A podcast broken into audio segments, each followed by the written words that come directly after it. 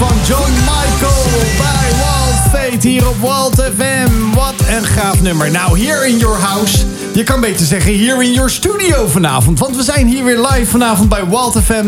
Zitten we er weer helemaal klaar voor voor onze aflevering van Wild Fate op de woensdagavond. Waarin we weer een knijtervolle show hebben natuurlijk met eh, de gaafste gospel die we hier draaien in de Randstad. En verder buiten natuurlijk hoorbaar. Morgen altijd weer te beluisteren, her te beluisteren. Alleen het gesprek zonder gospel uh, op Wild Fate, uh, de, de, de, podcast. Maar we hebben ook Wild Fate, de playlist. En dan kan je ook alle die wij hier draaien tijdens deze show... kun je ook nog eens eventjes op je gemakje naluisteren. En uh, gewoon lekker doorheen scrollen. Want afgelopen jaar hebben we weer waanzinnig gave nieuwe nummers, tracks gedraaid... van de tofste gospelartiesten. Waar onder andere we er straks na het volgende nummer gaan bellen. Een echte Nederlander die een bijzonder nummer heeft gemaakt... met wel een heel bijzondere inspiratie die hij daarvoor heeft gehad.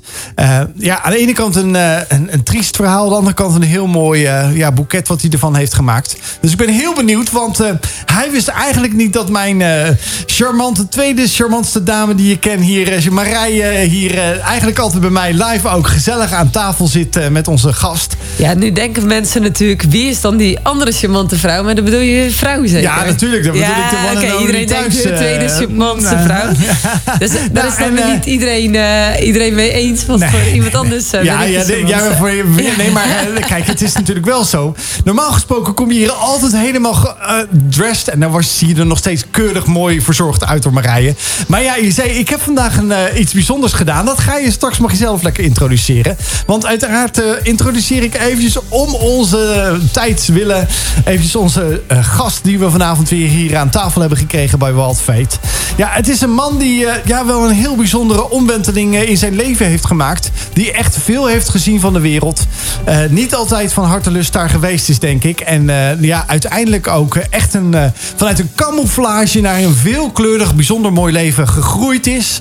Hij is een echte duindorper, zei hij net. Dus ik mag niet zeggen bijna Hagenees, maar dat kunnen we zo meteen nog eens even aan hem vragen. maar hij is hier met veel enthousiasme en eh, veel plezier naartoe te ko- gekomen. Hij had voldoende te vertellen, hoorde ik al in het voorgesprek. Dus dat, wordt, eh, dat worden twee volle uren hier, Marije, die we samen met Dylan de Bruin vanavond hier hebben. Welkom Dylan. Dankjewel. Leuk dat je er bent. Ingelijkt. Gaaf eh, dat je er bent eh, eh, en dat je iets dichter bij de microfoon kan zitten... zodat de luisteraars jou ook kunnen gaan horen vanavond... met jouw mooie verhaal wat je te vertellen hebt. Ik Leuk dat je er bent. Dankjewel. Ja, dankjewel. en jij zit volgens mij op de grens waar de mensen nog eh, Wild FM eh, op de FM kunnen luisteren. Namelijk, jij komt uit de buurt van Hillegom, begreep ik. Dat klopt, ja. Ik woon in Ja, Hillegom. Ja, nou dan zou dat misschien nog net kunnen afhankelijk van de weersomstandigheden. Waren het niet dat het geloof ik erg mistig is, dus dan wordt het heel erg lastig. Maar goed, even goed kan je meekijken, je kan meeluisteren. eh, dat zijn allemaal mogelijkheden. En we beginnen onze show natuurlijk altijd hier bij Wild Fate met ons geluksmomentje dat Marije mag aftrappen Ja, deze ik mag week weer. altijd het geluksmomentje Ja, dat is de aftrappen. vrouw. eh, Nou, er zijn soms wel twee vrouwen, maar ja, vanavond is het wel aan jou de eer. de- Ja, als toch? Dame in, eh, dame in ons midden. Nou, nu had ik vandaag echt een heel bijzonder iets te doen. Want het had namelijk te maken met het feit dat we vanavond een hele toffe giveaway hebben, net als volgende week. Want Zaagieboom.nl heeft voor vandaag en voor volgende week drie kerstbomen beschikbaar gesteld. Nou ja, nu denk je, waarom ben je dan zo gelukkig? Ik ging vanmiddag dus op pad om eh, een promotiefilmpje te maken van die kerstbomen. En ik kwam dus ergens aangereden. En dat was gewoon echt een terrein met alleen maar kerstbomen. Ja. En lampjes en gezelligheid en kerstmuziek. En ik dacht echt, wow, ik kom wel helemaal in de stemming. Ik weet, Sinterklaas is nog niet geweest. Maar eh, ik hou echt enorm van de kerst. En dit was eigenlijk al, eh, ja, daar echt al een beetje kerstsfeer te proeven. Eh, en natuurlijk echt, ik hou enorm van weggeven. En hoe tof is het zo dat dan die ondernemer zegt van... hé, hey, ik vind het tof, ik vind jullie programma echt super tof. Dus ja, dat, daar ben ik ook heel erg blij van. Zaagjeboom.nl. Jazeker. Letterlijk en figuurlijk. Letterlijk en figuurlijk. Want je kunt dus je zaag meenemen. En dan kies je zelf de mooiste boom uit die jij het mooist vindt. En dan kun je hem of eruit graven. Want dan heb je hem op kluit. Dan eh, blijft hij wat langer mooi wellicht. Of je kunt gewoon met de zaag zo... Jij had al de zaag de week door. Ja, ja ik, dacht, ik was de, volgende week gaan we nog even één keer zagen. Want eh, we hadden gezegd dat gaan we mee stoppen. Maar dan gaan we even zagen. Ja, dat is een hele goeie. Want dan kan je we dus zelf zagen. twee, drie weken mogen we... hoeveel Twee weken. Twee weken? Drie bomen. Drie bo- Dus Dus De vandaag drie bomen. en volgende week drie. Ja, dus- Ik zeg, eh, ga naar die socials en geef je op. Geef Toch? je naam door. En eh, ja, je hoort van ons, als jij het geworden bent, als jij die kerstboom eh, eh, mag gaan uitgraven of afzagen. Ja, Ja, en eh, dat is een hele beleving. Dus. gaaf. Heerlijk. gaaf. Tof zeg, leuk. Hey, en Dylan, eh, hoe- is dat voor jou? Eh, heb je ook iets waarvan je zegt van ja, daar was ik echt super dankbaar voor. Of echt heel, werd ik gewoon even heel gelukkig van. Jazeker, als je een eh, anderhalf jaar geleden ben ik begonnen met mijn eigen bedrijfje. En dan ben je als ZZP'er gewoon hard bezig om eh, hè, eh, te groeien. En als je dan in één keer een kans krijgt om eh, de mogelijkheid heeft gekregen om door te groeien naar een GGZ-instelling, om daar een directeur van te kunnen worden, ja, dan sprong ik wel een gat in de lucht. Ja, en dan je fantastisch. ja, zeker weten, ja. Dat was een mooi moment. Daar gaan we straks zeker meer over horen. Want eh, ik ben echt al helemaal benieuwd naar die reis die je daarin gemaakt hebt. Van de camouflage naar, eh, naar de veelkleurigheid, zoals Joost al zei. Hey, eh, maar eerst, Joost, ik ben ook wel benieuwd. wat, is, wat heb je vandaag te delen? Vandaag, ik heb, ik heb hem gewoon weer. En, en het is zo gaaf. Want wij krijgen hier eh, ja, het geluk dat we elke week van de, de sponsor... en eh, ook eh, echt iemand die hier al jarenlang trouw ja, is aan Wild FM. Dat is namelijk Thai van Sky, from Sky. En, en daar krijgen wij een maaltijd van aangeboden. En vanavond heb ik weer zo lekker gegeten. En die saté die is waanzinnig, waanzinnig lekker. En ja, weet je wat zo gaaf is? Ze hebben een hele gave actie op de socials met Walt Nou, we zijn wel echt aan het weggeven vandaag. Ja, ja, ja. Maar en dan kan je serieus een, maaltijd eh, in hun restaurant krijgen. Een, bon, Oh. een tegoedbon. Als je die maaltijd raadt. Want ze maken dus iets, dat laten ze zien op de socials. En dan kan je op, aan meedoen met een DM'tje. En dan eh, kan je, wie weet wel, zo'n heerlijke maaltijd eh, krijgen. Of laten bezorgen. Of volgens mij mag je ook naar hun restaurant. Kortom, ik heb er al een voorproefje van gehad. En ik zeg gewoon lekker meedoen met die actie. Zo. Nou, wij eh, gaan eventjes onze gast, eh, de volgende gast inbellen voor eh, zometeen. Zoals ik al zei, ehm, we hebben eventjes weer een inbeller. Nou, weet je wat ik zo leuk vind? De komende weken, Marije, hebben we ook elke week weer een, ja, een beller. En die we mogen gaan bellen het eerste uur van, ons, van onze show. En het is ook elke keer een artiest.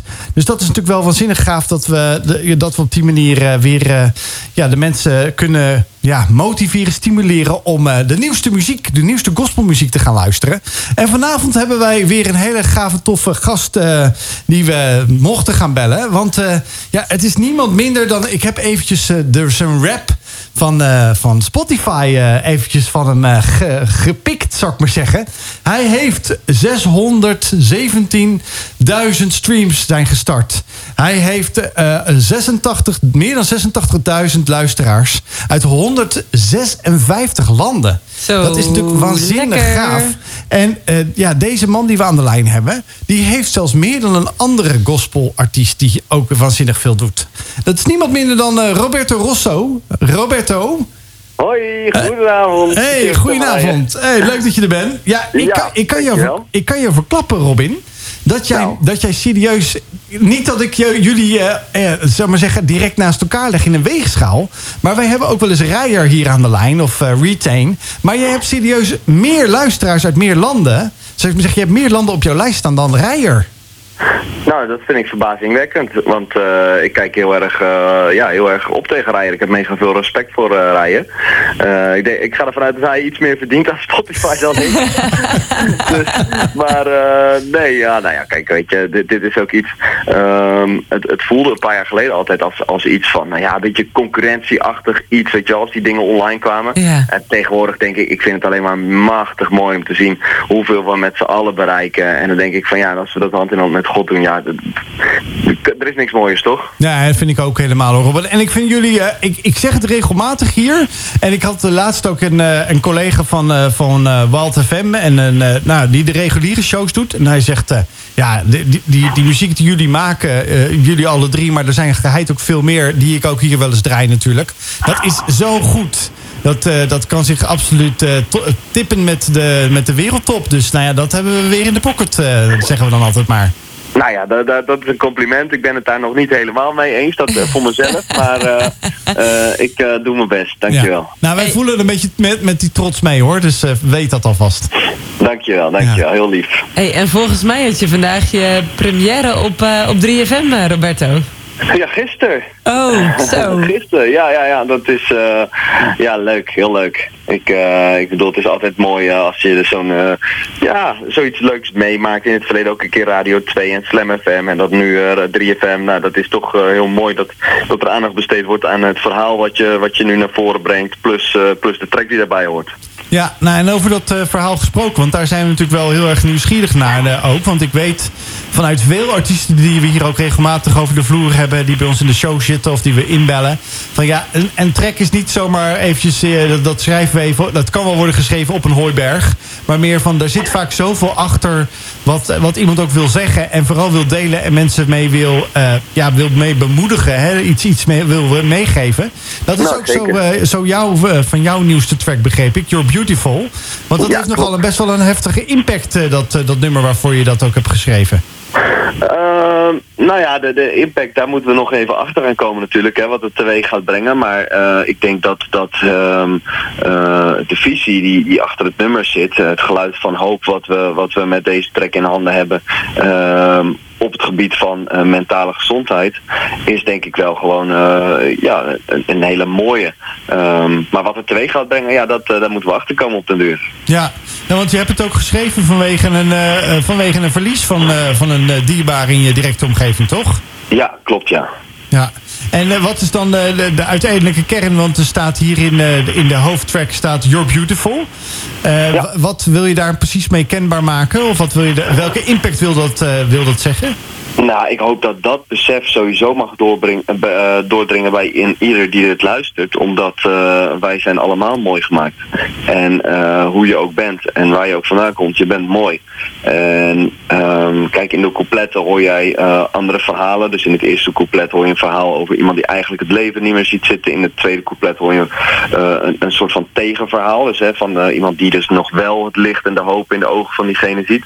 Ehm met als eh, overkoepelend eh, thema eh, en refrein You're Beautiful. Ja. En dat komt ook vanuit een eigen impact uit je eigen leven vandaan.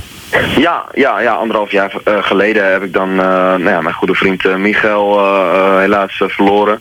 En ehm, nou ja, dat, dat, daar is wat tijd overheen gegaan voordat het ah, beste tijd overheen gegaan voordat het zelf weer met mij wat beter ging.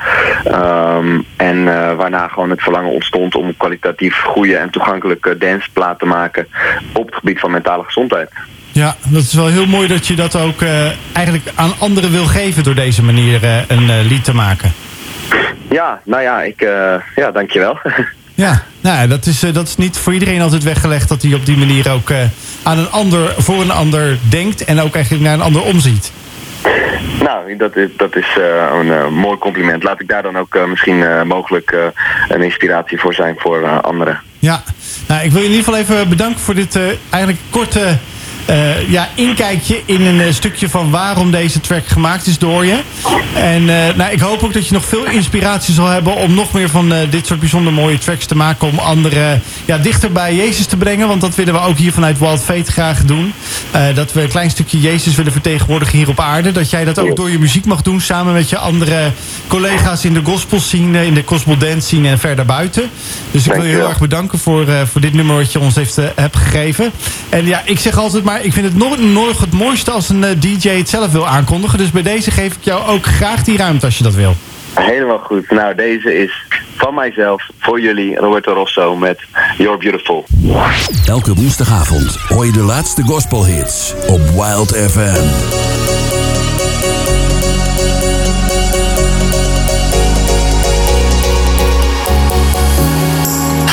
You say you don't deserve to be. That no one needs you to exist. No goals, no adventures, you've sunk deep. It's all your mind is telling you. Yeah. On and you feel so low. The voices in your head don't go. But I can see the light shining through your eyes. Got many scars on your heart, but you will never fall apart. I know,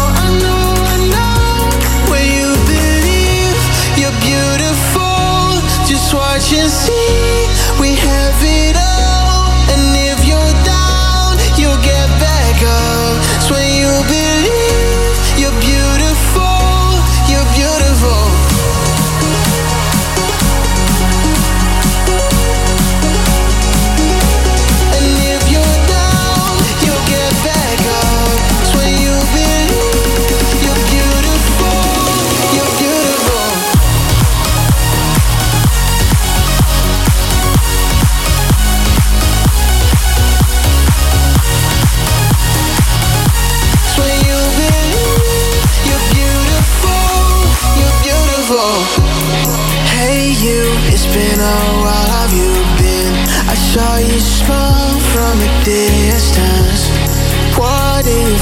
darkness create peace? What I believe is what I see. On and on you start to grow.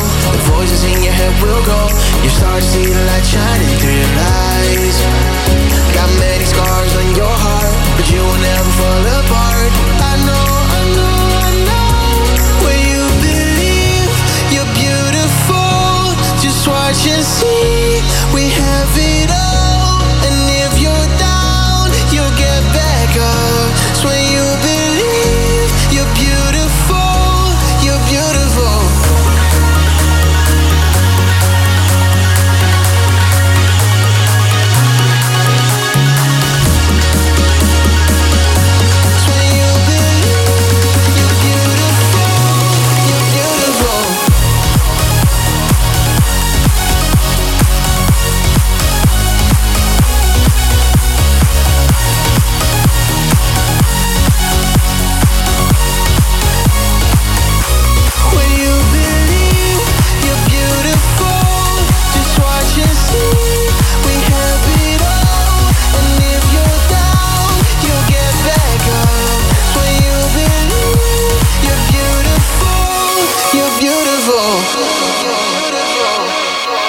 Dit was Roberto Rosso met zijn laatste track You're Beautiful. En eh, ja, we hebben hem zojuist gesproken. Heb je nou net dat interview gemist waarom hij dit nummer gemaakt heeft... en eh, ja, wat zijn inspiratie is? Dan eh, kan je morgen eh, ergens in de loop van de dag weer eh, onze podcast eh, ergens vinden... via de socials van Walt FM en de Walt Foundation. En daar kun je dit hele gesprek van vanavond... en ook deze gesprekken telefonisch die we doen naluisteren. En uiteraard ook delen. Want hij deelde zelf ook iets wat hij zei van... ja, mensen met... ja, mentale gezondheidsproblemen. Dat hij die ook graag daarmee wil, ja, wil inspireren om, denk ik ook vooral hulp te gaan zoeken. En niet eh, ja, met de pakken neer te gaan zitten. Nou, en dat sluit eh, naadloos aan met eh, vanavond waar we in gesprek met Dylan over gaan. Want ja, zoals ik al zei, van camouflage naar een veelkleurigheid. Letterlijk en figuurlijk. Dat is, vind ik wel heel erg mooi, want dat is ook wel in zijn werk te zien. Maar dat is ook wel dat zijn werk gekenmerkt heeft. Want Dylan, eh, ja, zo rooskleurig is het ook allemaal niet geweest, denk ik, hè? Bij mijn, mijn diensttijd is veel kleurig geweest. Vooral in het groen inderdaad. Maar de tijd na mijn diensttijd. Ik heb tien jaar gediend bij de paratroepers. En daarna ging het eigenlijk eh, hard achteruit met mij. Oké. En hard achteruit? Dat betekent eh, eh, jezelf verliezen. Geen controle meer hebben over je doen en laten. Niet weten wat er aan de hand is met je. Het is eigenlijk één groot question mark boven je hoofd van... waar of wie ben ik überhaupt? En was je dat verloren omdat je bij de paratroopers één van hun was en eigenlijk daarin eh, eh, alles diende, zeg maar, de groep? Of, of heb je heel veel meegemaakt, of, of wat het dan ook is, dat je zegt van hé, hey, eigenlijk ben ik daarin dus mezelf verloren? Eh, misschien wel en en. Door de dingen die je meemaakt. Ik heb drie keer ben ik op uitzending geweest in Irak, twee keer Afghanistan. Ehm, je maakt meerdere vuurgevechten of aanslagen mee. Eh, dat bindt een band onderling met elkaar. En op het moment dat je Defensie verlaat, dan kom je in de burgermaatschappij. Ja, en dat is gewoon een zwart-wit wereld eh, van verschil. Want wat is zo anders?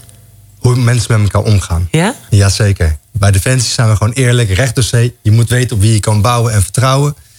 En de burgermaatschappij eh, nemen de mensen gewoon een loopje met elkaar. E- Even voor mijn eh, beeldvorming, eh, Dylan. Ik weet niet zo heel veel van Defensie. Ik kijk wel eens eh, die programma's zoals eh, Ko- van Koningsbrugge en Ja. eh, de SAS. Eh, maar, maar wat is een paratrooper precies? Wat, wat, wat is dan de, je functie in het geheel? Nou, ik ben begonnen bij eh uh, korpscommandotroepen. Maar ik was iets eh, te onvolwassen. Nog in mijn, eh, in mijn denken. Dus ik, had, ik hoefde nog maar zes weken en had ik die groene beret gehad. Mijn advies was, ga even naar de rode beretten toe. En kom dan terug. Nou, zodoende ben ik naar de rode beretten gegaan. En daar heb je onderdeel van de paratroepers. Dat zijn mannen die in een vliegtuig stappen. Dan gaat het deurtje op een gegeven moment open. En dan zeggen ze van, up, go, up, up. En dan mag je eruit. dus, eh, en dan hang je in één keer in de lucht. Dus dat is wat we deden. We sprongen uit vliegtuigen, helikopters Om zo eh, in, ja, inzetbaar te zijn voor anderen. Ja, dus voor het plaatje compleet met een parachute. Met een parachute, ja. Ja. ja. ja, ja, ja. Ja, en, en Als die dan, open gaat, hè? En dan, dan kan ik het even in mijn, eh, in mijn eenvoudige brein omzetten naar... jullie sprongen uit het vliegtuig om op de grond alvast de zaken klaar te maken... voor de mensen die later gaan komen. Dat zou een taak kunnen zijn, inderdaad. Oké. Dat, hebben we, dat is nog nooit voorgekomen bij ons, maar het zou een taak kunnen zijn. En Ja. wat, eh, eh, dan in tijden van, eh, van uitzending, dan was je dan in Afghanistan of waar je dan ook was. Ging, deed je dat dan ook, dat soort dingen? Dat je dus ging springen en dan daar dan iets deed? Of, of jammer genoeg niet. Jammer genoeg niet. We zijn, daar gingen we wel vaak met helikopters erop uit. Dus we stappen in een helikopter, we vliegen ergens in, door Afghanistan. En ik werd dan, ik was toen schutter lange afstand, oftewel sniper in de volksmond. En eh, daar werden we gewoon ergens afgedropt om eh, de overwatch te houden voor de rest van de manschappen. Dus met z'n drieën liepen wij daardoor eh, provincie Kandahar heen. Goh, dat lijkt me echt eh, heel avontuurlijk. Dat was het zeker, ja. Ja. Want- dat is ook zo romantiek, hè? Nou ja, de, ik, wat De ik, romantiek Nou ja, romantiek, het lijkt me niet zo romantisch. Want ik bedoel, je, je bent daar niet gewenst. Je bent daar op missie. Dus eh, hè, wat je doet is dat je, dat je op lange afstand dus geoefend bent om Eh, opdrachten uit te voeren. En, en dat, dat ik, wat ik ervan weet, ik weet er ook niet zoveel van.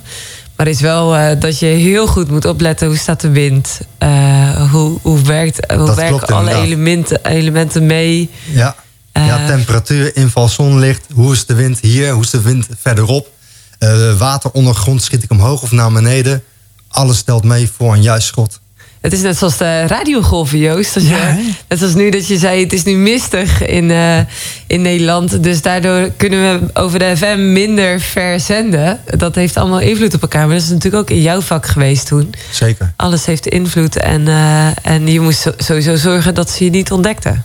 Eh, dat klopt, maar dat was vaak moeilijk. Ja. Ja. Ze weten gelijk waar je bent. Nou ja, je, je- ik zie ook wel eens dat de camouflage is een heel belangrijk onderdeel van, eh, van iemand die eh, af, verre afstandsschieter of schutter is. Dat, dat klopt. Het is eh, gezien door niet gezien te worden. Oftewel, je denkt naar een bossage te kijken of een mooi grasmat. En eh, daar zit niemand op. Nou, dus wel. Ja. Want vaak is het beter om gewoon in een open veld te liggen op een grasmat. Want daar verwachten ze je ook niet. Het is ook een beetje inspelen op wat verwacht de mens. Ja. En, en als ik even nog, ik wil nog één klein stapje terug voordat we weer lekker vooruit kunnen gaan. Maar, maar hoe ben je ooit bij de Defensie gekomen? Hoe heb je ooit bedacht, hè, laat ik nou eens even lekker, eh, lekker maken eventjes carrière bij de, bij de- dat, dat moet toch een soort van roeping zijn, toch? Ehm, het wilde leven zeker wel. Eh, want ik had een heel wild leven daarvoor in mijn puberteit. En ik dacht, ik moet nog iets doen met mijn leven. En ik dacht, ik ga Defensie maar in. Dat dus. Dat was echt, dat was voor jezelf dat je dacht van, nou, laat ik dat maar gaan doen. Laat ik dat maar gaan doen. Oké. En dan klop je kan- aan bij eh, de Defensie, zeg je, hoi, hier ben ik, Dylan de Bruin. En, eh, Ja, ja, eigenlijk wel. Wat kan ik doen hier bij de Defensie? Nou, ik zei, ik wil graag eh, bij de commandotroepen eh, komen. Nou, is goed. Dan ben ik op getest. En 1 op de 10 haalt die selectie maar. En iedereen dacht, je bent veel te agressief. Jouw levensstijl kan helemaal niet. Nou, ik haalde het. We begonnen met eh 200 zoveel man. En ik zat bij de laatste 40 uiteindelijk. Dus, ja. En hoe oud was je toen? Oeh, eh, 21. 20, Ja. 21. Ja, dat is echt zo'n jong broekje wat daar dan kon kijken. Zo'n hele training doorloopt. En dan, nou ja, dan zit je jaren dus bij Defensie. Ja. Ga je drie keer op uitzending. Maar vandaag de dag ben je bezig met mentale gezondheid. Klopt, ik heb nou een bedrijfje waarmee ik eh, eh, mensen help die PT PTSS hebben opgelopen. Dat is posttraumatische stressstoornis. Die daardoor eh, niet meer zichzelf zijn. En door middel van mijn methodiek help ik ze weer terug hun leven in. En dat is heel dankbaar werk om te mogen doen. Want heb je daar zelf ook ervaring mee? Dat je zegt, hè, dat, dat, dat, daar hou ik me nu bij bezig. Helaas eh, liep ik eh, PTSS op, gewond geraakt in de oorlog. En eh, zag ik het leven niet meer zitten. Oké, ik heb op het punt gestaan om zelfmoord te plegen. En uh, godzijdank dat ik het niet gedaan heb. Uh, maar ik ben er helemaal vanaf nu. Ik vert, ja, vertoon geen enkel symptoom meer. Ja, nu mag ik gewoon met een eigen methodiek anderen hier ook mee helpen... om ze weer hoop te geven in hun leven. Ik ben echt wel benieuwd, wat, wat is dan zo'n PTSS? Wat is dan zo'n posttraumale stressstoornis? Maar we gaan eerst uh, My Story, Your Glory luisteren. Ja, we hebben natuurlijk altijd de allerbeste gospel. De nieuwste gospel ook, die net uit is. Uh, ja, ga daar eens even achteraan via uh, Spotify onder andere onze playlist te volgen. We zijn vanavond in gesprek met eh Dylan de Bruin. Hij vertelde hoe hij eh, ja, als, eh, ja, noem maar even, als stoere jongeman zich zomaar even aanmeldde. zonder missie eigenlijk, maar dacht van, nee, de defensie is wel wat. Ik ga me aanmelden. Ik wil commandotroeper worden. En uiteindelijk wordt hij paratroeper. En ja, hij heeft drie missies in het buitenland heeft hij onder andere voor gediend. En nou, met een PTSS... syndroom of stoornis kwam hij terug. Ja. En toen eh, zeiden we hier eh, net voor de muziek zijn van... eh, vertel ons eens eventjes, wat, wat is eigenlijk PTSS? PTSS is posttraumatische stressstoornis. Dat kan je plots oplopen door een heftige gebeurtenis. Om niet te gedetailleerd uit te treden, maar denk aan een grote explosie. Wat dat voor uitwerking heeft. Nou, zoiets, als je dat meemaakt, dat doet iets met je. Of langdurig onder hoge stress staan in bijzondere omstandigheden. Dat zijn eh, symptomen bij militairen of oorzaken waardoor je PTSS kan krijgen. En kunnen mensen gewoon als burger Jazeker. ook een PTS krijgen? Denk aan, eh, aan eh, geweldsdelicten. Je wordt mishandeld, jarenlang. Seksueel misbruik. Ehm, een ongeluk, zit een ongeluk voor je neus gebeuren... wat heel heftig is. Ja, daar kunnen mensen vaak over dromen. Niet meer lekker door in een vel zitten. Dus ja, er zijn, er zijn zeker wel meerdere oorzaken... waardoor het kan krijgen. En wat, waar heb je dan last van? Het is vooral eh, dat je prikkelbaar bent. Je, hoort, je krijgt een korter lontje. Dus eigenlijk alsof je overstress bent eigenlijk. Alleen het gaat niet over. En het wordt langzaam erger. En daarbij ook de, de nachten die iedere keer hetzelfde zijn. En je rust niet meer uit. Dat is denk ik wel de basis als het ware van de PTSS. En ook heet het leven bij de gebeurtenis. Ja, want ik heb wel eens een film gezien waarin iemand een, eh, eh, ook PTSS had, ook vanuit oorlogsgebied had opgedaan. En die was in een hele andere situatie, maar hij hoorde eigenlijk dat alles weer gebeurde wat, wat dus samenhing met zijn traumatische ervaring. Ja, ja. Alsof dat hij gewoon plotsklaps weer in dat moment Dat was. noemen we herbeleving. En dat, heb je dat zelf ook wel eens ervaren? Ik heb het jarenlang niet in de gaten gehad dat ik herbelevingen had. Ik dacht, nachtmerries, ja, ik droom over die dingen. En dan word ik wakker, ik draai me om en ik ga weer verder proberen te slapen. Maar dat waren herbelevingen. Of we zitten zoals misschien hier zitten... en in mijn gedachten ben ik in die zandbak nog. Of ben ik nog bij een gebeurtenis, Ja, en dan bedoel je dus op uitzending, Juist. zandbak. de woestijn. Dus dat is eigenlijk, eh, ja, de herbeleving. En het kan heel heftig zijn, uiten. Of het is juist heel heftig intern. En dat is soms niet te zien. En daarom is het ook een soort onzichtbare aandoening die iemand heeft. Ja, dat maakt het ook heel lang, lastig om, lijkt mij in ieder geval, om voor jezelf eerst te erkennen: "Huh, er is iets niet oké. Ja. Eh, het is dus niet dat ik nachtmerries heb, maar dit is dus groter dan alleen de nachtmerrie. Ja. En waar, waar zit dat kantelpunt tussen eh, weten, het was heel heftig wat ik heb meegemaakt, en de realisatie, ja, maar dit is meer dan heftig. Dit is inderdaad dan een stoornis. Dit is, dit is iets wat zoveel impact heeft dat het mijn Eigenlijk, leven eigenlijk niet. doet. Eigenlijk is dat er niet geweest voor mij dan. Want wat ik meemaakte, beschouwde ik als... dit hoort bij je werk en deal with it. Ehm, dus je gaat gewoon door in wat je kunt. En dat is nou één ook van de symptomen die bij PTSS hoort. Want je hebt de freeze, fight, flight eh, uitvoering van het menselijk brein. En ging dus eh, eh, vluchten, bevriezen, vechten, die drie. Ja. Gewoon, ja. en ik ging juist vechten. Dus ik ging juist nog harder mijn best doen. eh, nog harder werken. Om het maar te onderdrukken. En het hoort er gewoon bij. En op het moment dat je zelf vervreemdt van de buitenwereld. Dus dat je echt gewoon denkt van de wereld is gek aan het worden. Tot het blijkt van nee, jij hebt iets. Maar dan moet het wel eerst erkend worden door de buitenwereld. En dat probleem had ik. Ik werd niet herkend door de artsen, door de bedrijfsarts niet, door mijn werkgever niet. Niemand niet. Ik, ik stelde me aan. Ik was een werkweigeraar, zo werd ik genoemd. Dus ik ging van hero naar zero. Ja, dat is echt een dingetje. En toen, toen eh, je was werkweigeraar, zeg je. Ja, Maar ergens kwam wel de realisatie, hè, maar hier is dus sprake van, van een PTSS. ja pas later, werd, ehm, eh, nadat ik onderzocht werd... en ik was al eerder onderzocht door het eh, militair hospitaal in 2009... want toen had ik me aangegeven, joh, ik ben niet meer helemaal dezelfde... maar je moet gewoon een beetje afkicken van de, van de endorfine die je hebt. Dus dat moest ik doen. Nou, Ja, en dat is dan het gelukshormoon, omdat je altijd onder druk stond. Dat Ja. dat dus vrij kwam. Je had dat je shot nodig aan adrenaline. Dus wat deed ik? Ik ging naar mensen toe en ik ging wou vechten met iedereen. En als ik mijn shotje had, dan was het weer oké. Ja, dus dat was waarom dat ze dachten, hè, er is geen PTSS, maar eigenlijk Ja. gewoon een soort van verslaving naar een stofje wat in je eigen lichaam ontstaat. Ja, als je continu onder spanning leeft en onder druk in zo'n uitzendgebied, ja, dan raak je eraan gewend. Dus dat ging heel lang door. Maar ja, later, toen ik echt aan de bel moest trekken, omdat mijn huwelijk ook gewoon niet meer ging, ik had geen controle meer over mezelf, ja, gingen ze toch zoeken. En uiteindelijk bleek het door een diagnose eh, eh, PTSS. En toen kon ik het beestje een naampje geven. En dat was toch wel prettig aan de ene kant. Je kon het plaatsen. En vandaag de dag help je andere mensen. Ja, Ben je er zelf eh, van genezen? Kan dat? ik durf dat te zeggen. In, de, in, de, in de wetenschap kan je er niet van genezen, maar wel mee leren leven. Ehm, maar ja, zoals de psychologen uit Centrum 45 hebben gezegd... ik vertoon e- geen enkel symptoom meer van PTSS. En dat is ook zo. Ik, ik heb er nergens meer last van. Mijn vrouw is mijn getuige. Ik heb nog steeds karakter. Ik kom uit Den Haag. Dus ja, ik ben geboren ik ben een. Maar ik heb jarenlang in Den Haag gewoond. Dat temperamentje heb ik nog wel. Wordt nou ook ten goede gebruikt om het evangelie bekend te maken in de, de verste uithoeken. Maar ehm, ik ben vrij. En daar help ik graag andere mensen mee. Van hoe ik er vanaf gekomen ben. Een stuk geloof heeft, zit erbij. En ook gewoon praktisch iets. Gewoon eh, mijn methode, het bewegen. Het praten over het emotionele. Het boksen wat ik doe met de mensen. Het werkt. Zowel lichamelijk als geestelijk pakken we alles aan. En daarbij stel je eigenlijk van, ze noemen dat holistisch. Dat je niet alleen maar in het kopje zit.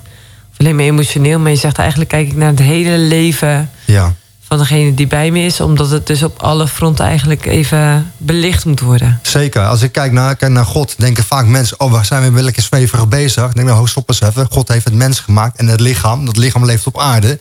En dat is gewoon heel praktisch. Als je te veel stresshormonen hebt in je lichaam... dan moet het afgevoerd worden door gelukshormonen... om het in Jip en Janneke taal te houden. Nou, door te rennen met, met, met de cliënt... dan bouw je eigenlijk als het ware heel snel gelukshormonen op... waardoor die stresshormonen worden afgevoerd. Daarom hou ik zo van hardlopen, Joost. Daarom ben je altijd zo gelukkig, Marije.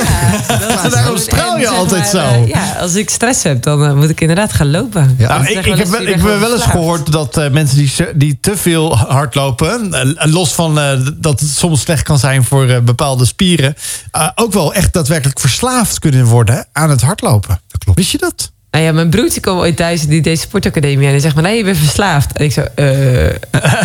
Hoe Waar dan? heb je het dan over? En hij zegt, ja, ja, ja, ja, je bent echt verslaafd. Ik zeg, wat dan, wat dan? Ja, hij zegt, dat leer ik op school. Je kunt verslaafd zijn aan hardlopen. Ja. En ik liep drie keer in de week hard. eh, Dat valt nog wel mee, toch? ja, toch? Ja, er zijn fanatiekelingen die elke dag eh, hardlopen. Ja, maar Ja. ik geloof dat dat nooit goed is voor je Ik gewicht. deed met mijn PTSS bijna dagelijks eh, 10 kilometer rennen. Keihard. Keihard. Ja, maar dat, dat was dan ook even een moment dat je, dat je weet... dit is ook even, mijn kopje heeft het dus ook even nodig. Dit is even gezond voor het seizoen. Mijn lichaam deed zoveel pijn. Ik, ik moest Ah. gewoon keihard gaan. Continu. Er zat geen stop meer op. Oh ja. Dus, eh, maar en wat was jouw weg naar herstel? Mijn weg naar herstel? Ja. Nou, de therapie die ik kreeg. eh, ik neem aan dat je dat bedoelt. Nou, de therapie die ik kreeg, dat ging helemaal nergens over. Naar mijn inzien. We zaten daar met wat andere militairen van verschillende onderdelen. Dus echt van de uh, korpscommando, troepen, mariniers. En ik dan van de rode beretten. Ja, weet je, dan moet je gaan kleien met elkaar. Gaan we een knutselwerkje maken. En denk hé, hey, kom op, weet wel. Wat denk je wel niet wat, wat ik ben? Ik zeg, ik hou hier niet van. Of ben je met je handen in het klei? Wat voel je nu? Wat gaat er door je heen? En dan geef je aan, joh, dit werkt niet bij mij. En bij de rest ook niet. Maar toch doorzetten. Of dat je groepsgesprekken kreeg. Ja, ik noem het echt bezighouden. We werden gewoon bezig gehouden. En de psycholoog praat maar 50 minuten vaak. En dat is het hem. En toen, begon, toen ontstond er ergens iets bijzonders. Eh, we hadden het net, Dylan, over... ehm, ja, je, je kwam op een gegeven moment achter, in de realisatie... ik heb eh, een PTSS. Ja. Je kwam in een behandeltraject... samen met allemaal andere eh mariniers, korps, whatever, allemaal. Ja. Eh, en jullie moesten creatief met elkaar aan de slag kleien. En je Ja, echt, wat ja. doe ik, ik hier? ja. Ehm, wat bracht het voort? Gaf het hoop dat het beter zou worden? Nee, want ik voelde helemaal niks meer. En dat was het moeilijke van, je hoorde al die emoties en je zag al die emoties bij die andere mensen. Dus bij, bij jongens van de korpscommandotroepen, bij de mariniers en bij andere eh, eh, mannen van mijn eigen eenheid. Zoveel emoties en ik voelde helemaal geen emotie. Ik was dood van binnen. Dus dat was heel lastig. En wat deed het met je? ja, Want het lijkt me dan zo eh, machteloos of frustrerend... Of, of dat je radeloos wordt van... je radeloos is het goede woord. Hier heb ik echt over nagedacht ook. Van de hoop heb ik nooit verloren. Omdat ik wist, er komt een moment dat God mij aan gaat raken. Dat was mijn vertrouwen, mijn hoop die ik had. Maar was ik radeloos? Ik was zo radeloos als ik maar kon. En hoe deelde En je roekeloos tegelijkertijd. Ja? Hoe deelde je daarmee? Ik eh, heb het eh, heel lang gedeeld door een liter wijn per dag te drinken. Zes zware biertjes erbij. Om maar kalm te worden als het ware. Ja, dat is eigenlijk heel gek. Want als je veel drinkt, word je meestal juist niet kalm. Ik werd heel, ik werd helemaal dus de nacht ingaan. Hè? En ook niet weten ja, waarom je het eigenlijk deed. Totdat die dingen zichtbaar werden. Ja, moest wel stoppen met drinken. Dus eh, dat heb ik ook gelijk gedaan. Eh, zonder AA'tje. Maar gewoon eh, niet meer drinken. Gewoon accepteren dat het er is. Maar ging je niet shaken en trillen? Nee, nee, nee, nee, nee. Ik heb een jaar lang zo gedronken. Ik kwam 10 kilo aan. Maar ik rende ook heel veel tegelijkertijd. Dus ik pleegde gewoon dubbel roofbouw op mijn lichaam. Maar eh, ja, zo, zo ben ik er doorheen gegaan als het ware. Dus gewoon gevoelloos accepteren. En wat was het moment dat je zei... toen, toen liet ik die PTSS achter me? Nou, dat was echt een, een, een hele moeilijke fase in mijn leven. Ik denk wel de allermoeilijkste fase. Nee, moet je voorstellen, je hebt twee kleine kinderen. Je hebt een prachtige vrouw die ook toen eh, een eh, melanoom had, een huidkanker. Ehm, onderzoek in een lymfegat. Daar was een klein dingetje gevonden waar de artsen geen naam voor hadden. Ik kreeg bloedneuzen die niet te stoppen waren. Ik liep door mijn dorp heen en mijn voeten bleven gewoon aan de stoeptegels plakken. En dan ben je een stoere vent die gewoon door mijnenvelden gelopen hebt. Die gewoon eh, dingen gedaan hebt waar de ander totaal niet zou durven. En dan loop je door je eigen dorp heen en je kan niet meer. Dan heb je twee kleine kinderen die je te snel corrigeert. Ja, je hart breekt iedere keer weer. En het hele leven eromheen is gewoon zo aan je voorbij geglipt. Dat je geen feest meer kan vieren. En dacht van, weet je wat, ik, ik ga nu eind aan mijn leven maken. En dat heb ik echt, echt gedacht van, ik had ook bedacht hoe ik het ga doen. Ik denk dat is in mijn optiek het snelste. En het, en. Ik ga het niet noemen om anderen dat idee te geven. Want het is nooit een goede oplossing om te doen. Het is precies wat, eh, wat Roberto vanavond Ja. deelde. Ja. Weet je, er is altijd een uitweg. Alleen soms zie je hem niet. En wat was jouw uitweg? Mijn uitweg was dit. Ik had de hoop dat God me ooit zou aanraken. Want ik had het gehoord. En het was bevestigd door een ex-commando toevallig. Hè, die ook gelooft. Die, die, die zei het ook tegen mij. Van God gaat je dadelijk aanraken. En op het moment dat ik echt in een diepste das het van mijn leven... was ik op een conferentie waar ik niet wilde zijn. Dat was afgelopen weekend. Precies eh, drie jaar geleden dat, ik daar, dat het eh, gebeurde. En 16 jaar daarvoor dat ik tot geloof gekomen ben. Dus het eh, was een feestje. En toen kwam Klaas van Denderen voorbij. En die kennen jullie wel. Die heeft hier ook aan tafel gezeten. En die kwam in één keer voorbij en hij zei deze drie dingen. Dylan, God gaat je eerder aanraken dan je denkt. God gaat je eerder aanraken dan je verwacht. En God gaat je sneller aanraken dan jij kan dromen. Ik dacht, ach, weet je wel, mooie woorden. En hij gaat je vrouw weer oprichten. En toen had hij me aandacht, omdat hij over mijn vrouw sprak. Maar ik was kapot. Ik ben naar huis gegaan. En de dag daarna werd ik wakker. Nou, wakker worden met PTSS is wakker worden in een onweersbui. Waar het bliksemt en slecht weer is. Maar nu werd ik wakker in november, eind november. Met, ik zag blauwe lucht, wolken, een zonnetje en vogels. Ik denk, hè? Ja. En ik stap uit mijn bed. Ik had geen pijn meer in mijn lichaam. Ik denk, hè? Dus ik doe mijn kloffie aan. Ik ren gauw naar beneden toe. Ik zeg, schat, zeg, ik ben vrij. En ze kijken me aan. Ze heel Dylan, pak een bak koffie. Ga zitten op de bank dicht en eh, hou je mond dicht. Want die geloofde me natuurlijk niet. Want ze kenden mij. Nou, puntje bij paaltje dacht ik bij mij eigenlijk... wat, ik ga tegen niemand meer iets zeggen. Want laten de anderen maar bevestigen dat ik anders ben. Nou, en na een tijdje werden psychologen kwamen eh, naar me toe. Met een heel mooi verhaal wat ik dadelijk eh, ga vertellen aan je. Still Mighty van Leland. Welkom terug bij het tweede uur hier van Wild Fate op Wild FM. Ja, niet minder mooi dan een lekkere woensdagavond radio maken, vind ik zelf. Daar krijg ik toch altijd wel de nodige energie van... dat ik s'avonds laat toch wel eens eh, ook zit te stuiteren. niet van een of andere... Hele, gelukkig niet van een of andere... eh, hoe heet het? Stressstoornis, gelukkig. Maar eh, ja, dat is om het even een beetje lichter te maken. In, eh, in het eerste uur hebben we eh, geopend met eh, Dylan de Bruin... die eh, heel veel verteld heeft eigenlijk in de korte tijd... dat wij eh, vaak natuurlijk onze radioshow maken... over... eh, ja, PTSS, wat dat precies is, wat, eh, hoe hij het opgelopen heeft. Ehm, ja, hoe hij ook deels eh, ook al zelfs al in de mensen helpen zit. Door eh, sinds anderhalf jaar een eigen eh, methode daarvoor ontwikkeld te hebben. Die samengesteld is uit verschillende methodes om mensen echt eh, te helpen. Op zijn manier, recht voor zijn raap ook daarin te helpen. Want daarvoor is hij een echte duin, duindorper. Maar ja, zoals wij merken, en dat is zo gaaf Marije vind ik dat. Dat er steeds meer mensen die Walt FM en die Walt Foundation woensdag aankondiging weten te vinden. Want daar staat meestal iets heel speciaals op die woensdag, toch? Ja, dat zeker. Ja, want eh, er was wat weer eh, wat mensen graag wilden weten. Of eh, hun mening over wilden ventileren. Kom maar, kom maar, kom maar met je mening. Nou, net zei Dylan dat hij enorm diep zat. Zo diep dat hij het even niet meer zag. We hadden Roberto Rosso in het eerste uur.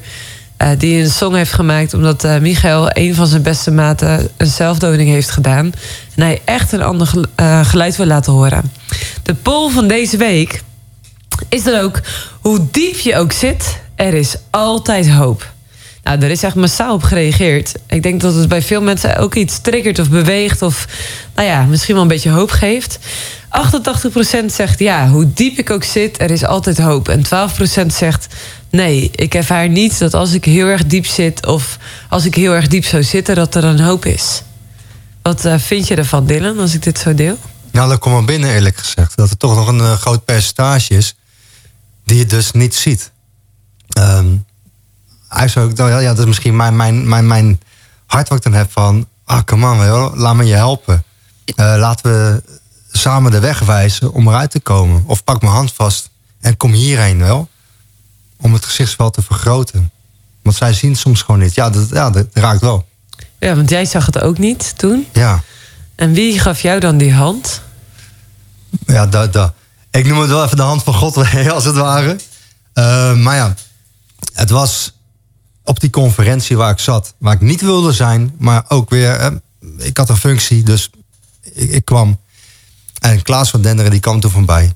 Die zei die, die drie dingen van, ik ga je sneller aanraken eh, dan je kan dromen, uiteindelijk.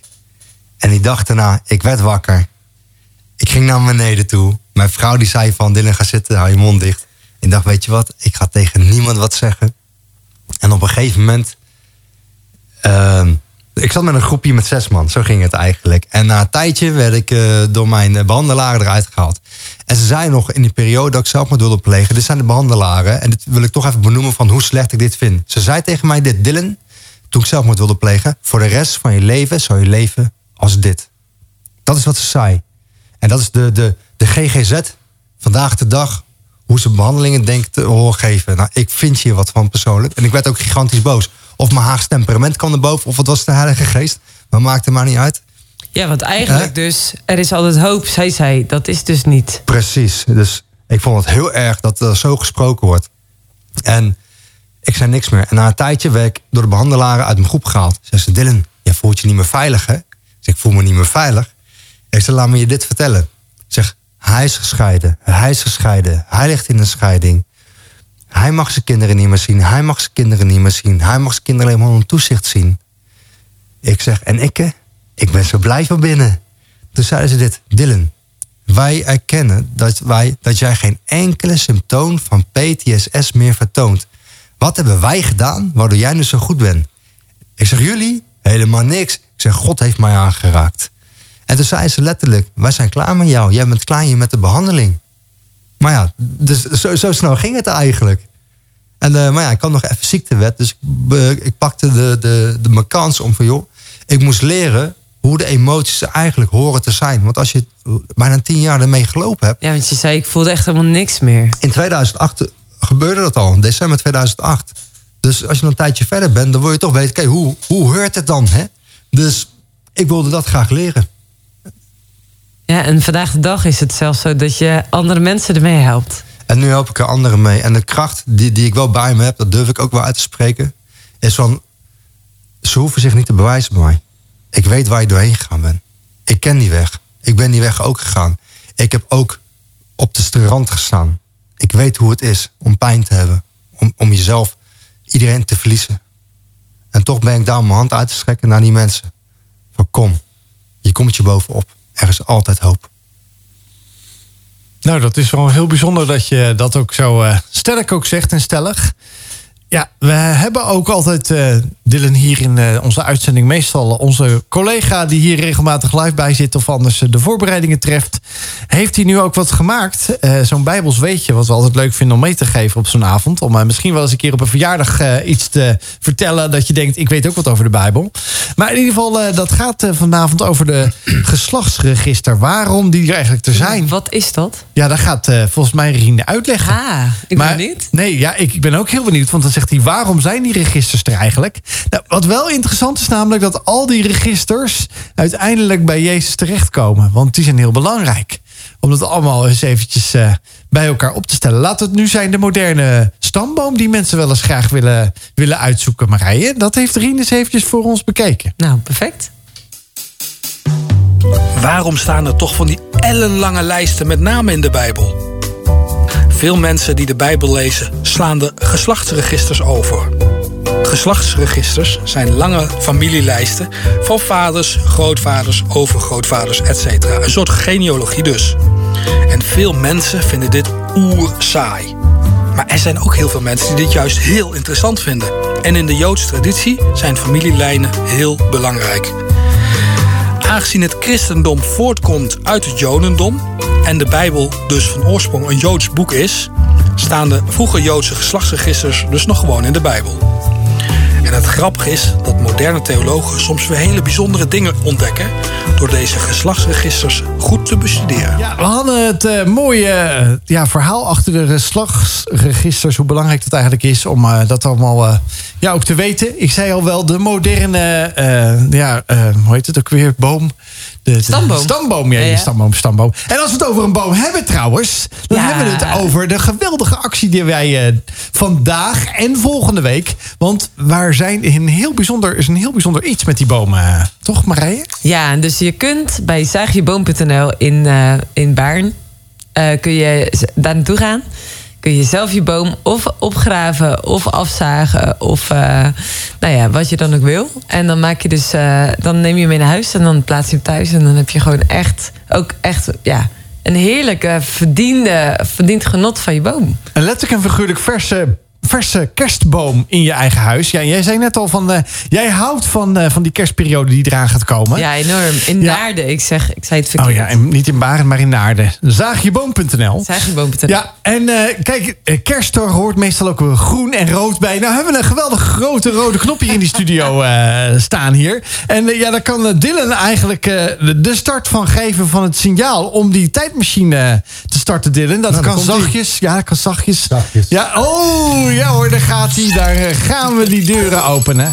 Wij zijn er helemaal klaar voor. Want eh, ja, jij mag met ons mee naar eh, ja, de, de, de plek waar Dylan ons mee naartoe gaat nemen. En daar ben ik heel benieuwd naar. Want ik moet eventjes die deur openen. Slechte voorbereiding van mij deze keer. Oh, ja, die tijdmachine. Ja, ik had hem wel eventjes uit, uit het stof moeten halen. We gaan ons klaarmaken. We gaan ons aftellen. Waar ga je ons mee naartoe nemen, Dylan? Ik ga jullie meenemen naar het verhaal dat Samuel David gaat salven tot koning. Oké, dat is in het Oude Testament. Dat is Lang een lange, geleden. lange, lange tijd geleden. Nou, wij gaan de deur openen en wij gaan met jou meeluisteren, Dylan. Nou, het mooie van dit verhaal vind ik...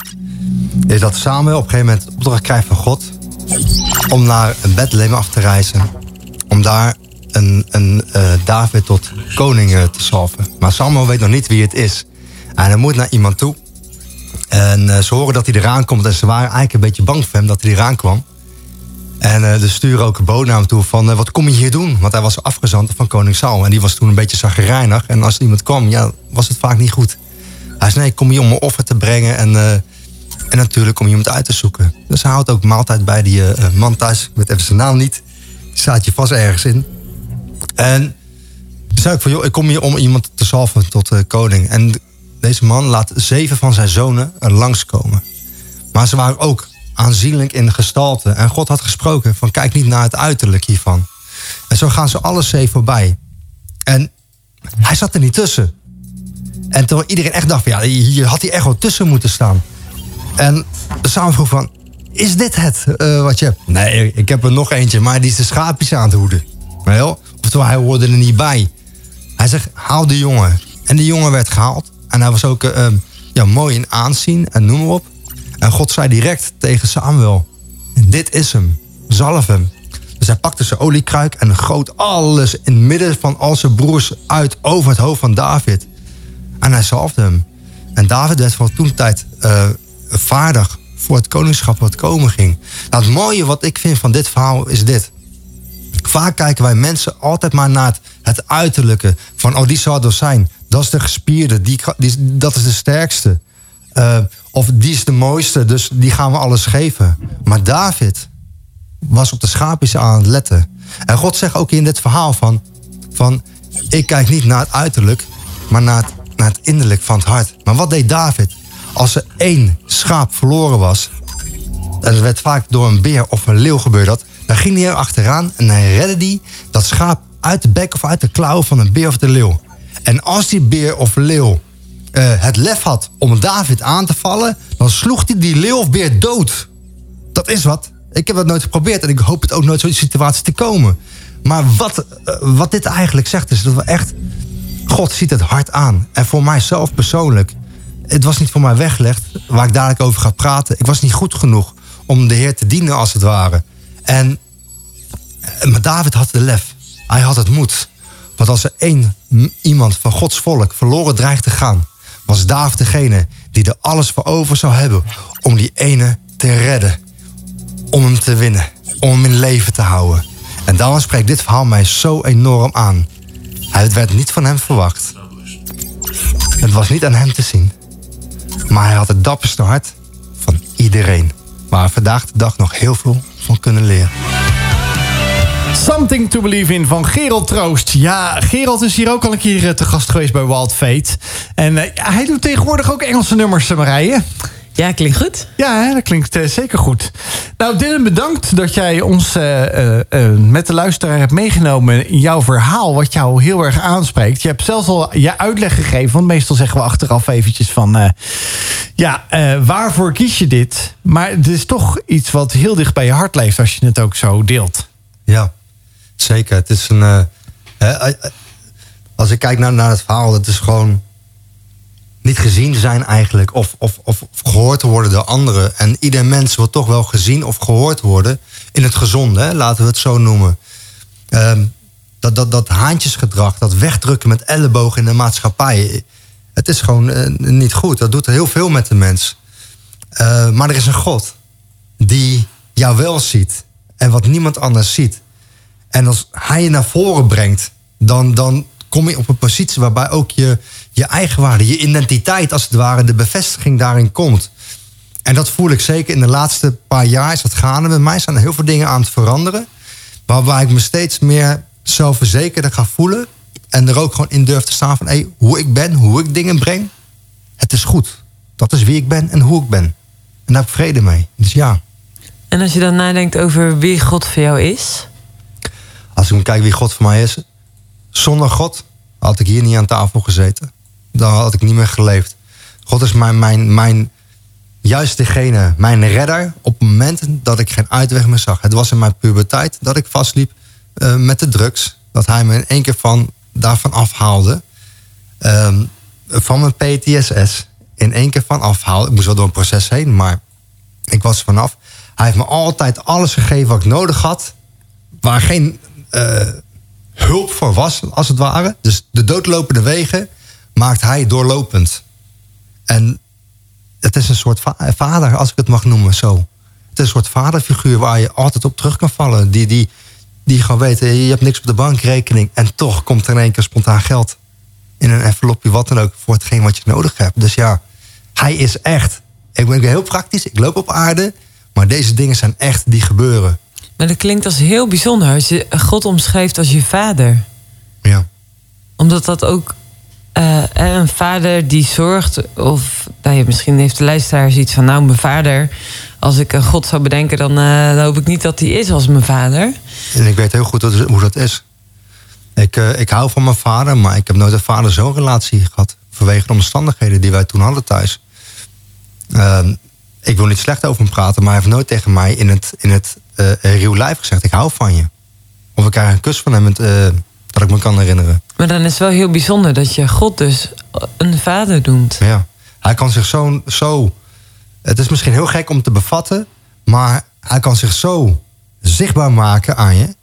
Dat je het voelt van binnen: van hé, er is meer. Er is daadwerkelijk iets meer tussen hemel en aarde. En hij omschrijft zichzelf als de goede vader, wat gewoon jouw leegte in je hart kan vullen. Die al die pijnplekken kan aanraken, wat niemand anders kan. Dat is het besef van het, van, van het geloof komen tot God de Vader. En hoe verhouden jouw emoties zich tot wie God is?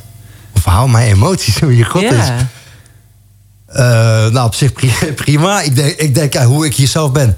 Ik vind mezelf, hè, durf ik ook wel te zeggen, een grappige jongen. eh, die van de real deal houdt. Bloedserieus. Eh, ik denk dat God ook zo is. Hij is bloedserieus. Met wat hij voor ogen heeft. Eh, maar hij houdt ook van, van humor, van lachen. Ehm, geintjes. Ik weet niet of dat. Ja. Het is alles wat wij hier hebben op aarde, heeft hij bedacht. Net zoals seks. Waar ik denk, oh, christen seks. eh, heel moeilijk. Hallo, hij heeft dat bedacht. Hij weet wat lekker is. Dus als je getrouwd bent dan, hè, om het te kunnen delen, dat even bijzeggen, luisteraars. Dus het is oké. Hij weet het. Hij weet alles. Dus ja, in alle emoties zit hij. Ja, dat, dat is wel mooi, hè? Want eh, soms, we praten eh, over emoties, vind ik altijd zo grappig. Als je het hebt over emoties, het leren kennen van je emoties of dat proces. Dan praten we heel vaak over positieve en negatieve emoties. Maar eigenlijk heeft elke emotie gewoon een, ja, een positieve eh, belang om iets te brengen in je leven. Bo- Boosheid eh, nodigt je uit om eh, een grens aan te geven, of om ergens een stop te zetten, of om ergens voor op te komen of een gesprek aan te gaan met iemand. Ja. En soms wordt het gezien als een negatieve emotie, dat die er niet mag zijn of zo. Maar als je, als je dan zeg maar kijkt naar, naar bepaalde dingen, is, is dat dan ook nog wel boeiend van. Ja, vind ik in ieder geval van ja, hoe zou God daar dan naar kijken? Gewoon naar de veelkleurigheid van emoties en hoe dat hij dat stukje ook bedacht heeft. Ja, nou, ik, ik heb me vaak geprobeerd voor te stellen... hoe zou God denken? Ik ben, één keer achtergekomen door bijbelstudie te doen. Iedere keer zodat je denkt hem te kennen... doet hij iets waardoor je hem weer niet kent. Dus dat zien we ook bij Jezus. Maar ehm, ik denk die boosheid... dat komt door... hij ziet heel veel onrechtvaardigheid. En daar kan God boos om worden. Vaak kijkt men, ja, maar al die volken vernietigd in het Oude Testament. Kijk dan dit, kijk dan dat. Ja, ho even. Die volken die kozen ervoor om niks met God te maken willen hebben. Om afgoderij te doen. Al, allemaal verschrikkelijke dingen. Het was gewoon, eh, ik noem het even mijn eigen woorden. Eh, wat is het? eh, nou, ik weet eigenlijk niet. Het was gewoon echt, voor goddels ging het gewoon. En dat was hun keuze. En dat daar de dood op volgt. Dat is niet van God. Dat is hun eigen keuze. Dus God houdt niet van onrechtvaardigheid. En dan kan hij boos om worden. En daarom doet hij juist iets. Alleen vandaag de dag doet hij dat ook. Dus heel veel onrechtvaardigheid. En het breekt zijn hart tegelijkertijd. Dus achter boosheid zit ook bij God meer. Het is geen boze God. Het is een gebroken vaderhart... wat zich juist uitstrekt naar de mensheid. Van kom naar mij. Dus we moeten niet naar de eerste laag kijken. Er zit wat achter. En dat is heel mooi, eh, want dit is ook een beetje je missie geworden naast het opzetten van je bedrijf. Klopt. Ehm, Wat als mensen zeggen, hey, ik ken iemand die dus de deal heeft met eh, PTSS... en die komt eigenlijk niet verder of die is op zoek naar hulp... of die weet, ik heb nu hulp nodig. Waar kunnen ze dan informatie vinden over dat bedrijf? Ze kunnen mij vinden op www.mvastcoaching. Dat is mijn bedrijf, maar mvast.nl, dat is mijn website. Ik heb geen wachtlijsten, geen wachtrijen, dus je kan snel geholpen worden bij mij. En eh, stel je vraag gewoon.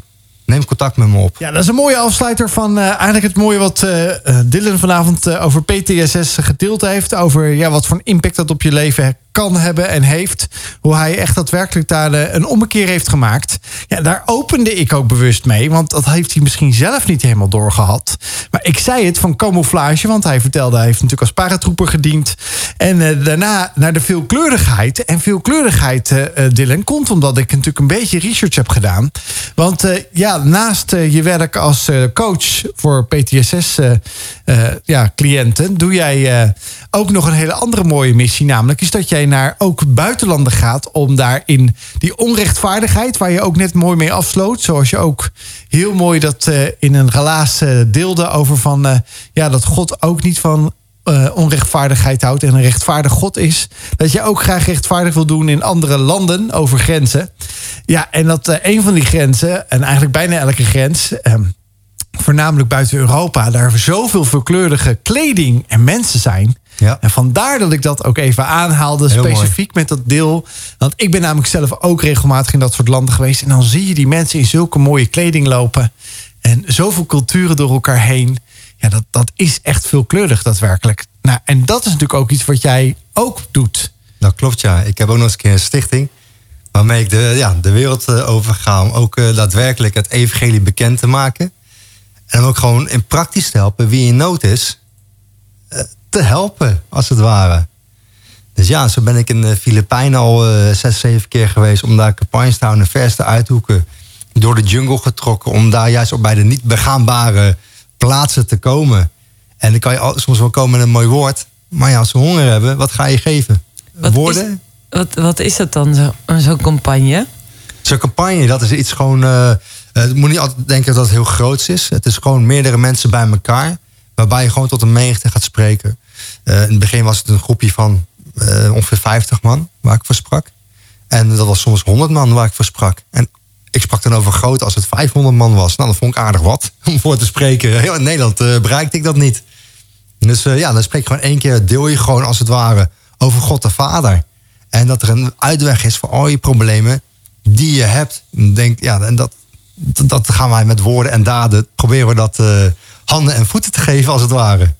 Ja, want ik brak net een beetje in. Je zat midden in je zin. Excuus Ja, daarvoor. Je zei, hè, als je daar komt en eh, hun eerste behoefte is eigenlijk eten... dan kan je niet alleen maar met woorden komen. Nee, een lege maag gaan mensen niet luisteren. Dan ben je gewoon een, een blanke met een eh, die zijn dingetje komt doen en eh, dat is niet echt. Je dus kan- dan loop je door de jungle heen met eten. Ja, dat later door paarden worden dat gedragen. Die dragen dan die grote zakken met rijst en andere groentes die we dan bij ons hebben. En zo gaan we gewoon naar een community toe.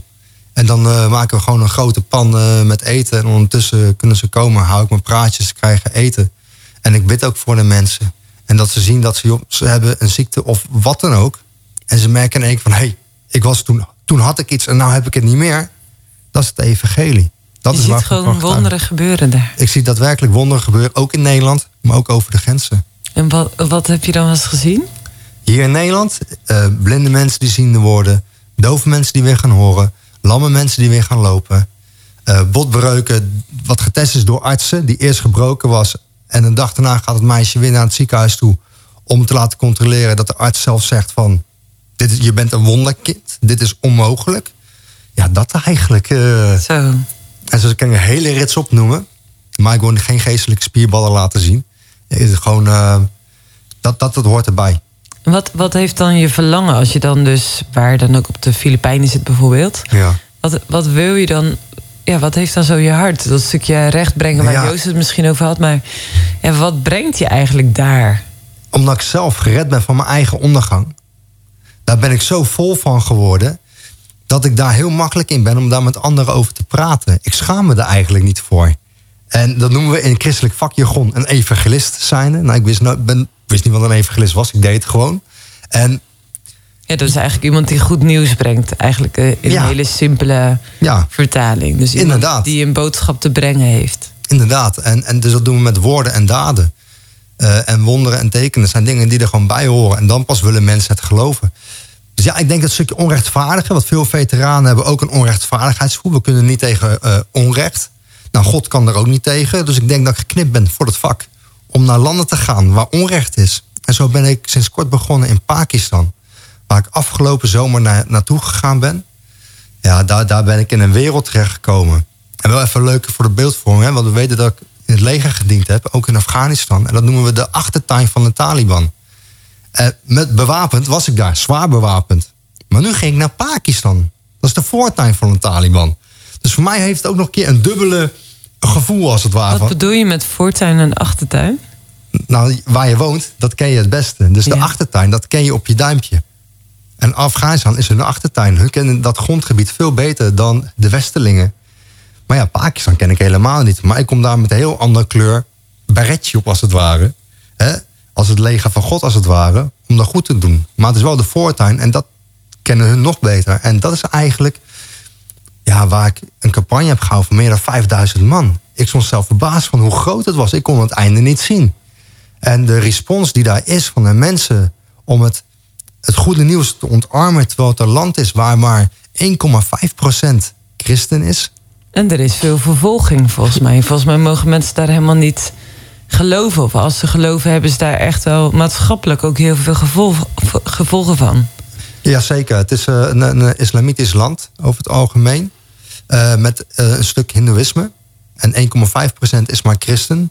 Dus dat gaat over, dat is heel weinig. Ehm, het houdt eigenlijk in, Pakistan staat op de lijst van christenvervolging op nummer 8.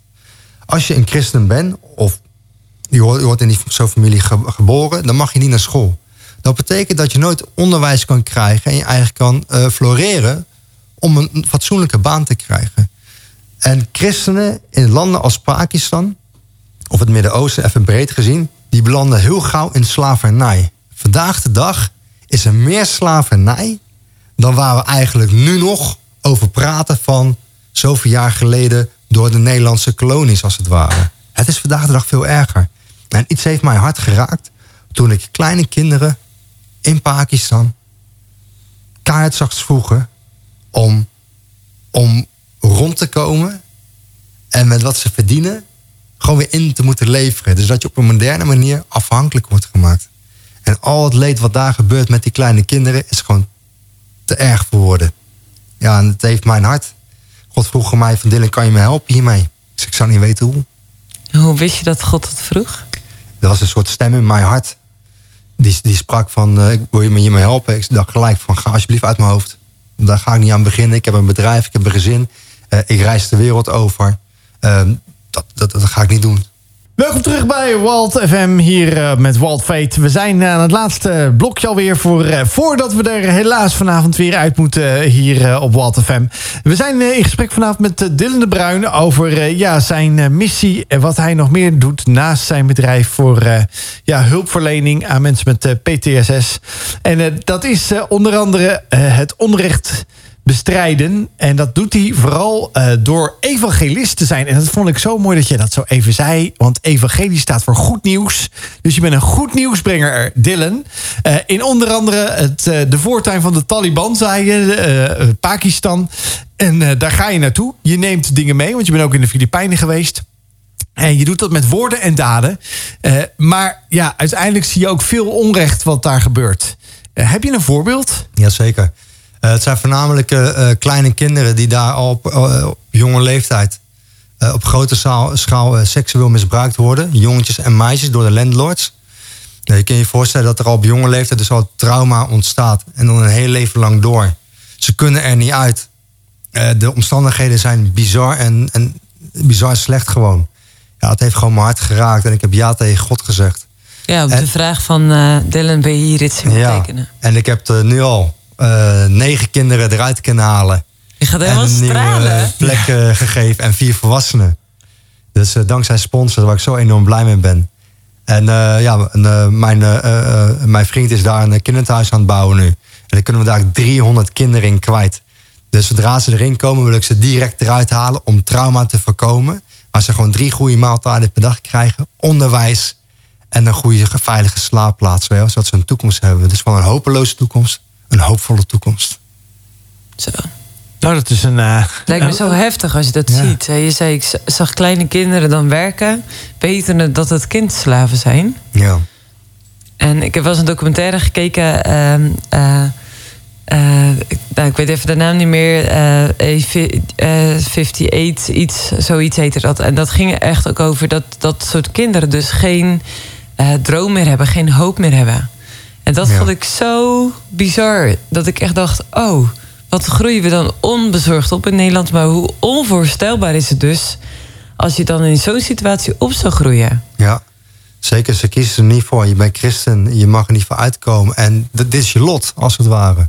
Mm -hmm. Nou, hoe geweldig is het wij dat je, dat je een leven kan veranderen voor iemand die er profijt van hebt. En dat is gewoon dankbaar. Ik weet niet hoe ik het moet doen. Het is in de handen van de heren, laat ik het even zo noemen.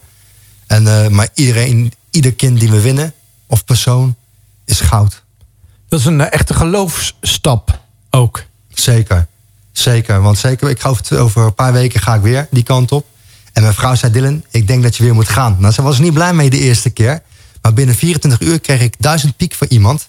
die ik nog nooit eerder had ontmoet. Van, dit heeft God op mijn hart ge- gelegd... om jou 1000 euro voor Pakistan te geven. Ik had hem nooit ontmoet. Dat was mijn vliegticket.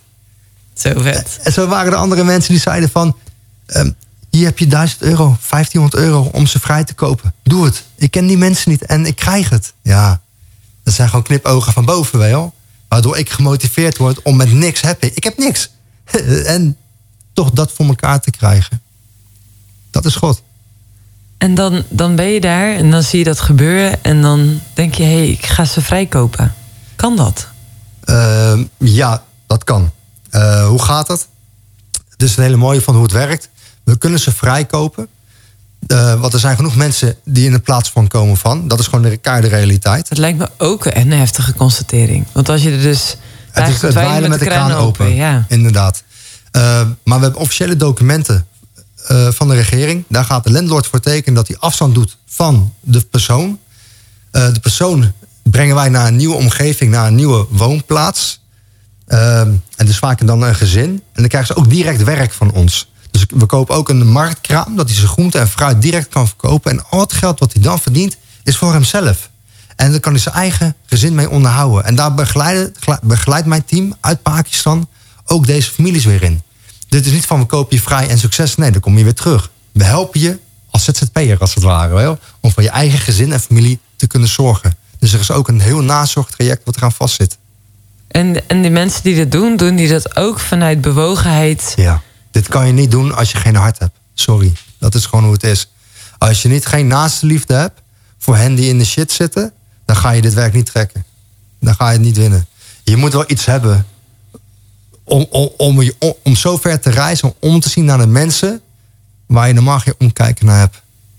Mensen die onder de modder zitten, die, die, die, die gewoon vies zijn, stinken, ziek zijn. Ze hebben ook geen dokters en al die andere dingen. Het is gewoon verschrikkelijk. Als iemand daar ziek is en heeft zweren, dan is het erg. Je, Om, daar ging Jezus ook naartoe. Hè? Dus denk gewoon een stukje van, weet je, als God je aanraakt en hij verandert je, dan doet hij er wel wat extra's bij om om, om te zien naar hen die echt hulp nodig hebben. Dus niet alleen woorden, maar ook daden. En je was strijder bij de paratroopers. Ja.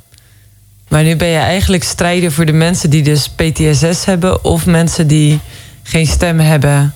En iemand nodig hebben die voor hun recht komt brengen. Ik ben nog steeds een, eh, een militair inderdaad. Bijzonder. Ja, zo zeker bijzonder. weten. Gewoon hoe, dat, hoe dat, jij door de transformatie bent echt in je nekvel gegrepen. God heeft zichzelf aan je geopenbaard. Je ervaart zo'n stuk genezing ook van wat God uitgewerkt heeft in je leven. En je mag dat zo rijkelijk uitdelen.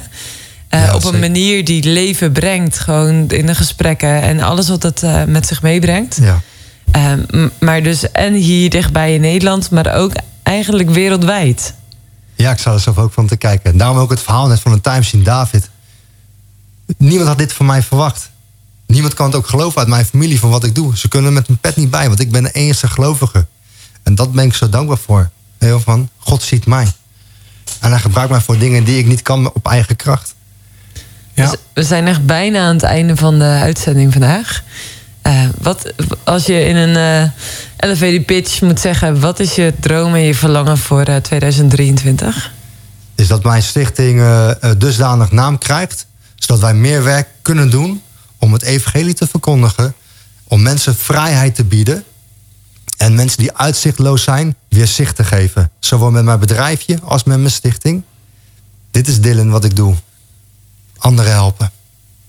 Ja, dus als mensen meer informatie... mvast.nl is je bedrijf. Ja. En je, de stichting, hoe heet je stichting? Dat is Stichting One for Christ. En daarop eh, gaan wij dadelijk alles bekendmaken. Ik heb een nieuwe website, maar helaas, hij is nog niet af. En daar baal ik een beetje van. Eh, maar daar doen we al ons zendingswerk op. Abba Vader, zo heet het project. eh, om kinderslaven vrij te kopen. En daar ga ik binnenkort een kleine campagne mee starten om het bekend te maken.